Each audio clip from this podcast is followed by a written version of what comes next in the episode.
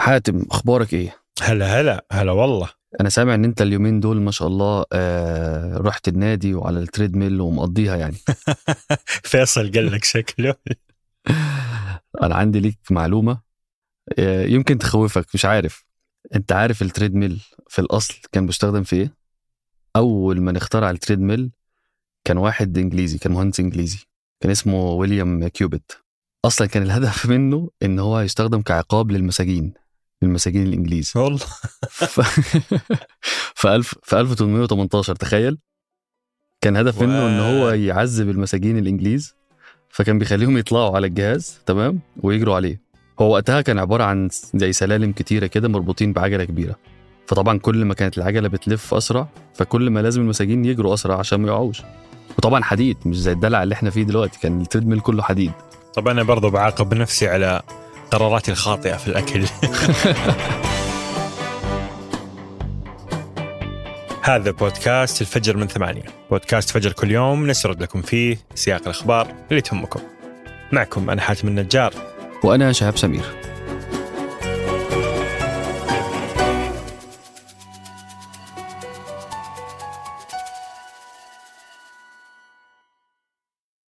قهوة الصباح وأجود محاصيل البن المختص تلاقيها في خطوة جمل. اعرف أقرب فرع لك من الرابط في وصف الحلقة.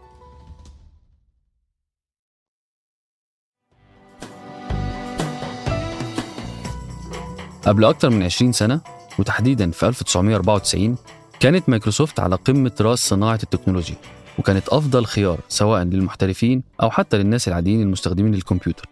إلا إن مايكروسوفت كان ناقصها حاجة واحدة بس ألا وهي إمكانية الإتصال بالإنترنت. لأن في التسعينات كان عشان أي حد يتصل بالإنترنت كان محتاج إنه يثبت برنامج خارجي على جهاز الكمبيوتر الخاص فيه واللي كان وقتها معروف بنتسكيب نافيجيتور كان متسمي على اسم الشركة نفسها اللي هي نتسكيب هو باختصار كان عبارة عن برنامج بيسهل على المستخدمين إنهم يتصلوا بشبكة الكمبيوتر أو الإنترنت. بس كانت أحد عيوبه إنه لازم أي مستخدم يثبته بشكل منفصل ويدفع عليه تكلفة مادية. فكانوا المستخدمين بيضطروا إنهم يدفعوا 49 دولار واللي بتعادل النهاردة تقريبا 85 دولار عشان يستخدموه. يعني حوالي 318 ريال سعودي. فوقتها شركة مايكروسوفت عشان تطور شغلها وتكسب عملاء أكتر أطلقت في 1996 نظام التشغيل المعروف بويندوز 95 ودمجت معاه متصفح انترنت اكسبلورر مع عدد من البرامج المجانية زي برامج تسجيل الموسيقى والفيديو.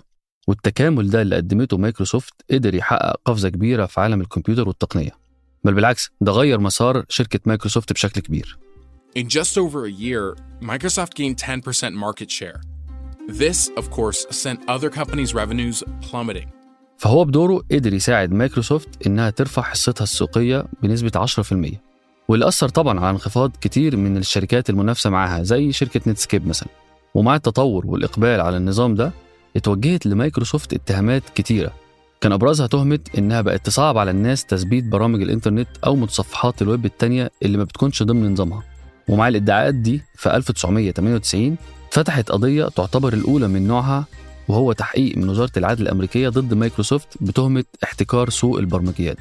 واللي لأول مرة في المجال الاقتصادي بتقوم شركة باحتكار التنافس مع الشركات التانية بحاجة أكبر من مسألة رفع الأسعار.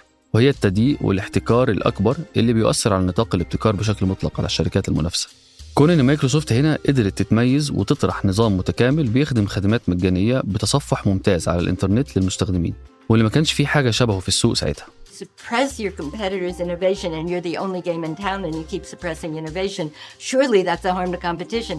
In fact, it's لكن وقتها. وزارة العدل الأمريكية وفي البداية حكمت ضد مايكروسوفت بأنها تفصل نظام التشغيل عن البرامج بحسب قواعد مكافحة الاحتكار واترفض القرار ده بعد كده في محكمة الاستئناف لما استقرت إدارة بوش في البيت الأبيض وانتهت القضية في 2001 وتوصلوا لتسوية القضية وإن مايكروسوفت تبقى تتعاون مع الشركات المنافسة لكن في 2020 بدأ فصل جديد في النوع ده من القضايا وبدأت بوادر جديدة لمحاكمة قضايا الاحتكار ضد جوجل واللي بيعتبر مشابه للي حصل في مايكروسوفت في التسعينات. بدأت بوادره في عهد ترامب في 2020 واستمرت تبعتها لحد النهارده. The time has come to break up big tech monopolies and restore fair competition. صحيح إن جوجل وقتها وعشان تدافع عن نفسها جندت مئات الموظفين وثلاث شركات محاماة قويين جدا. وانفقت ملايين الدولارات على الرسوم القانونية وجمعت الضغط على ملف قضية الاحتكار نفسها. واللي بدوره خلى القضية تتأخر فحصل نهاية الدعوة المرفوعة في 2020 اندماج مع قضية تانية منفصلة بتتعلق ببحث جوجل. وتترفع وتستأنف قضية تانية تكون منفصلة وتحت موضوع مكافحة الاحتكار ضد شركة جوجل. وده اللي إحنا بنشوف امتداده النهاردة.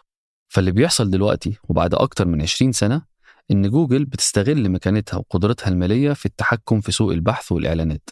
سواء على نطاق الأجهزة المحمولة أو حتى الخدمات وإنها بتستخدم هيمنتها في فرض أسعار أعلى على المعلنين وبتكسب من الإعلانات على متصفحها المجاني. ففي يوم الثلاث اللي فات ده وبتاريخ 12 سبتمبر في واشنطن بدأت القضية المتعلقة بالاحتكار ومن المتوقع إنها تستمر لأكثر من 10 أسابيع من النهاردة.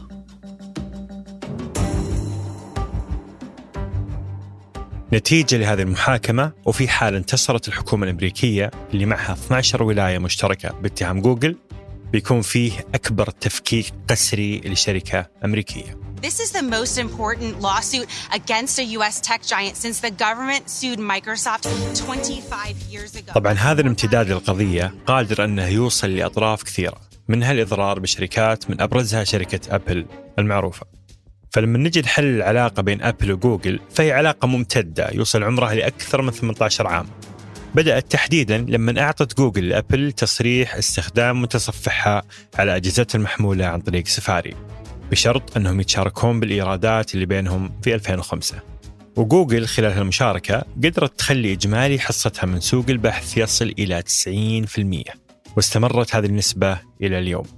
وعشان تحافظ جوجل على هذه النسبة يصل حجم المبالغ اللي تدفعها حسب تصريح محامي وزارة العدل أكثر من 10 مليار دولار سنوياً that the company built its dominance simply by making a better product that customers. Google illegally pays billions of dollars to Apple, Samsung, LG, and beyond to make Google the default search engine on your phone. العلاقة بين جوجل وأبل جعلت أبل بالمقابل تكسب ففي سنة 2022 كسبت أبل نتيجة تشارك 18 مليار دولار خلال سنة واحدة فقط وعلى الجانب الآخر أكيد أن هذه القضية مهمة لملايين الأشخاص اللي يشكلون 90% من سكان العالم واللي كلهم يستخدمون جوجل كمحرك بحث أساسي لهم.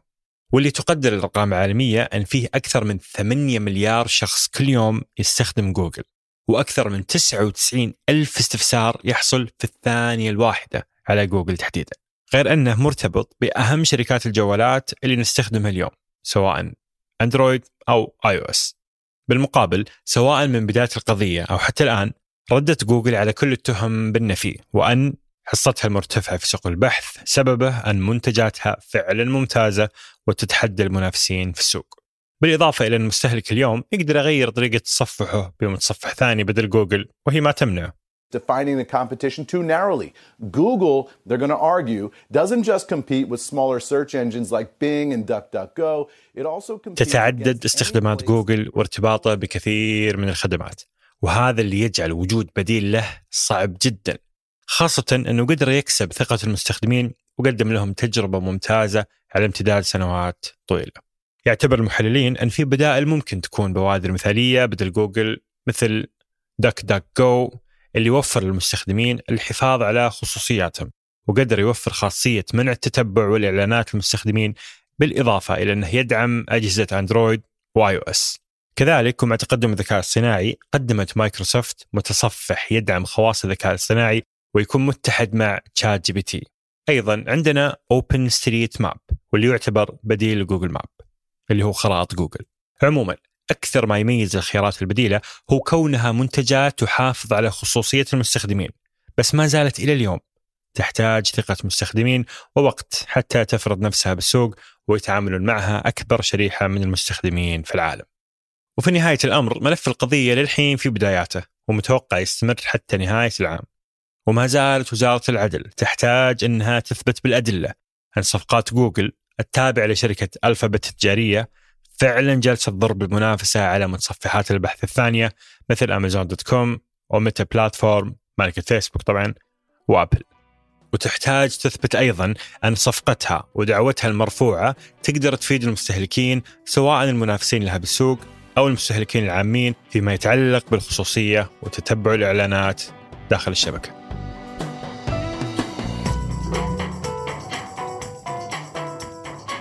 وقبل ما ننهي الحلقة دي توصيات لنهاية الأسبوع. لو أنت من حزب محبي الدبلجة المصرية فمنصة ديزني العربية بتطلق فيلم مدينة العناصر لبيكسار. هو فيلم بتدور أحداثه حول فتاة نارية اسمها جمرة وشاب مائي اسمه وادي. بتتحرك أجزاء الفيلم في استكشاف القواسم المشتركة والمختلفة اللي بينهم. وهو فيلم عائلي بجدارة. أما بين جو المنفى والحروب في الصين فبيقدم لك كتاب البجاعات البرية تجسيد لحياة ثلاث نساء تبدأ من أم وابنة وحفيدة. عاشوا في حقبات زمنية متنوعة ومتباعدة.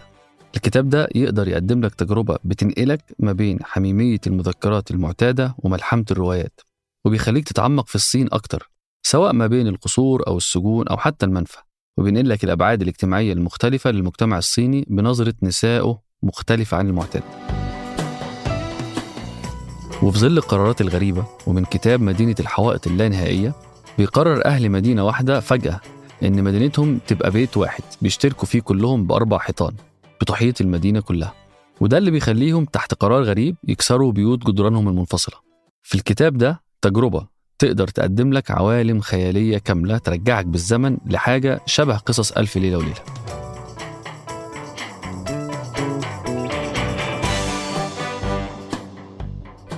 أنتج هذه الحلقة. رولا عبد الرحمن وريناد العيسى وقدمتها أنا حاتم النجار. وأنا شهاب سمير. وحررها محمود أبو ندى. ونشوفكم فجر الأحد.